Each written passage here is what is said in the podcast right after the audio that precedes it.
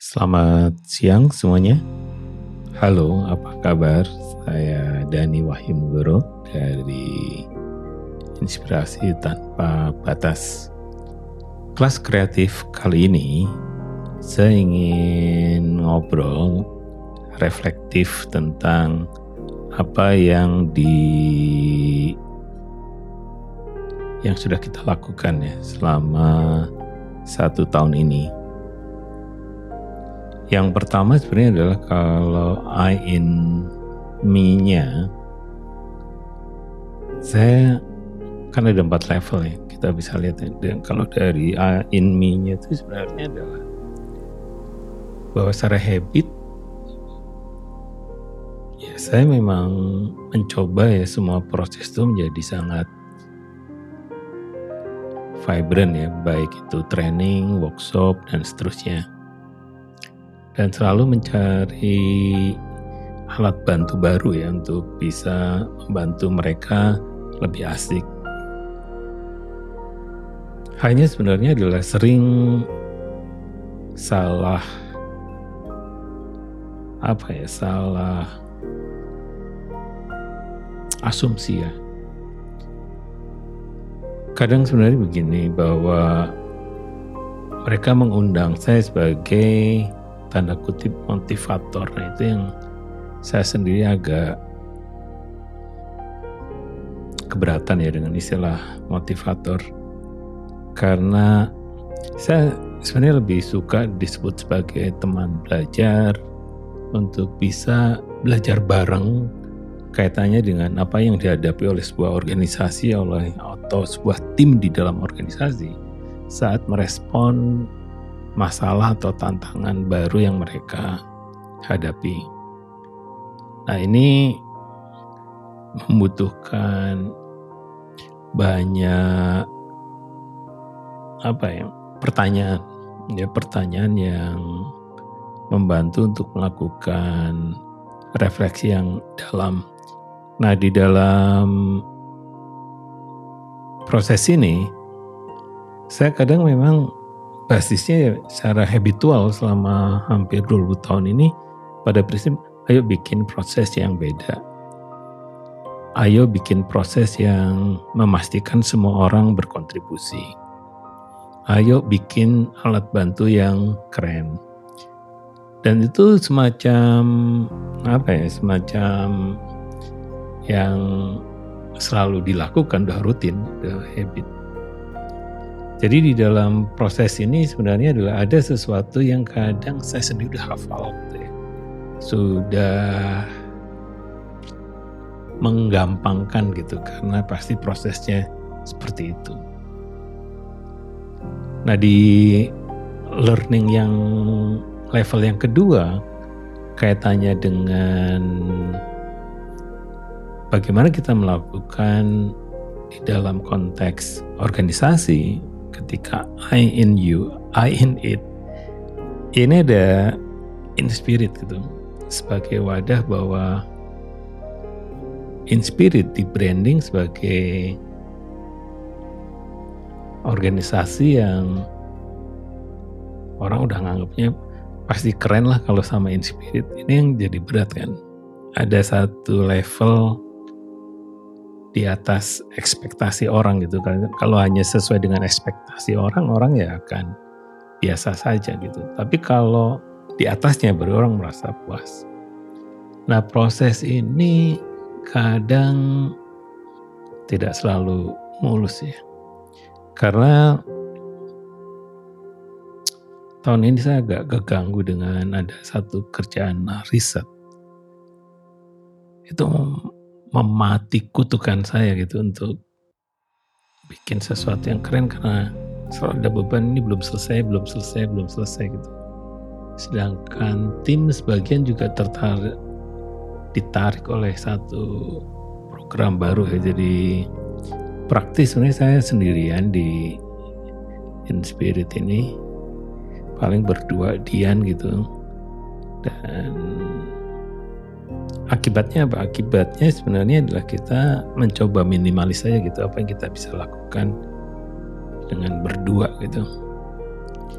Nah di level yang ketiga ketika I in you itu sebenarnya ada banyak peluang ya khususnya dengan kaum muda bagaimana kita merancang satu kelas yang fokusnya pada interest kaum muda dalam konteks digital learning. Nah ini ya saya sebenarnya kadang ada standar yang tinggi ya untuk untuk digital learning ini. Hanya kadang mitra merasa ini mahal, ada masalah sinyal, ada masalah video, audio.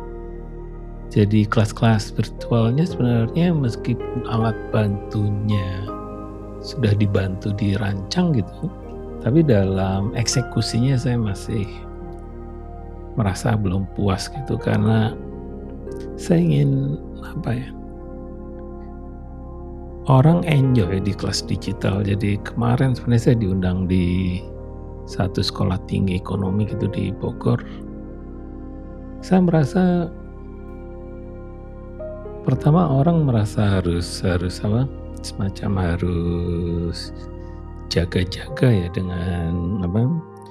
Dengan bahwa digital itu susah digital itu rumit. Boleh jadi iya karena ini ada isu teknologi ya. Nah, solo teknologi itu pada esensinya kan bikin mudah ya. Nah, kalau teknologinya bikin susah sebenarnya nggak usah dipakai.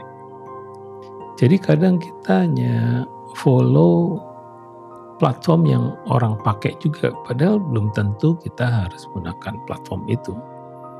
Itu yang kadang kita harus berpikir ulang. Sebenarnya yang disebut digital itu apa itu? Learning digital nih jadi dalam proses belajar ini kemarin sebenarnya saya mencoba menggunakan satu dimensi digital learning yang ada hanging out-nya, ada messing around-nya, ada ada semacam yang terakhir jadi hanging out, ada kicking out. Jadi sebenarnya gini, bahwa kadang saya merasa juga terpukau gitu dengan -anak muda di Bandung waktu itu saya lihat anak-anak muda itu diskusi keras gitu sambil ngobrol di tempat kopi. Ini kan proses yang tidak bisa dilihat oleh seorang dosen atau guru dipikirnya minum kopi gitu. Tapi mereka belajar sungguh-sungguh di situ lewat social learning gitu tadi ya atau collaborative learning. Nah, pada akhirnya sebenarnya adalah bahwa memang pertama harus hanging out kita membiarkan mereka tapi kan mereka tidak akan mungkin tiap hari ngomong yang gak ada isinya.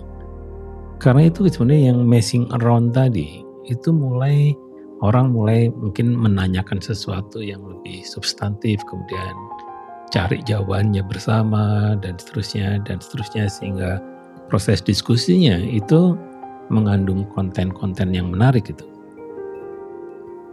Nah, di bagian geeking out-nya ini yang sebenarnya saya tunggu-tunggu karena pada saat itulah orang kadang saya mencontohkan diri saya bahwa saya di dalam digital learning belajar sendiri, kemudian mengeksplorasi alat bantu, cari ini, cari itu yang memudahkan saya untuk membuat konten-konten digital seperti ini. Nah, yang nah itu yang penting sebenarnya pada saat itulah boleh jadi kita bisa memberikan challenge yang lebih tinggi lagi pada para pembelajar muda ini. Nah yang keempat itu tentang I in us gitu. Ini kaitannya dengan platform thinking ya. Kalau di dalam proses belajar sebenarnya proses making atau creating dari proses belajar yang dalam tadi itu yang sebenarnya kita harus challenge ke ke para pembelajar untuk masuk ke proses making. Bagaimana apa yang sudah tahu, apa yang sudah dipahami, apa yang sudah diaplikasikan, apa yang sudah dianalisis, apa yang sudah di dievaluate ya untuk bandingkan ini dengan itu, bandingkan dengan yang lain yang kemudian itu menjadi satu arena untuk melakukan inovasi-inovasi yang Keren. Jadi ini kelas kreatif yang ke-124 tentang refleksi saya ya pada tahun 2022 atas apa semacam knowing di dunia fasilitasi, creating atau making di dunia fasilitasi, dan juga bagaimana menciptakan playing ya, di dalam keseluruhan proses yang kita lakukan. Demikian tadi refleksi saya atas perjalanan di dunia fasilitasi pada tahun 2022. Sampai jumpa pada edisi berikutnya.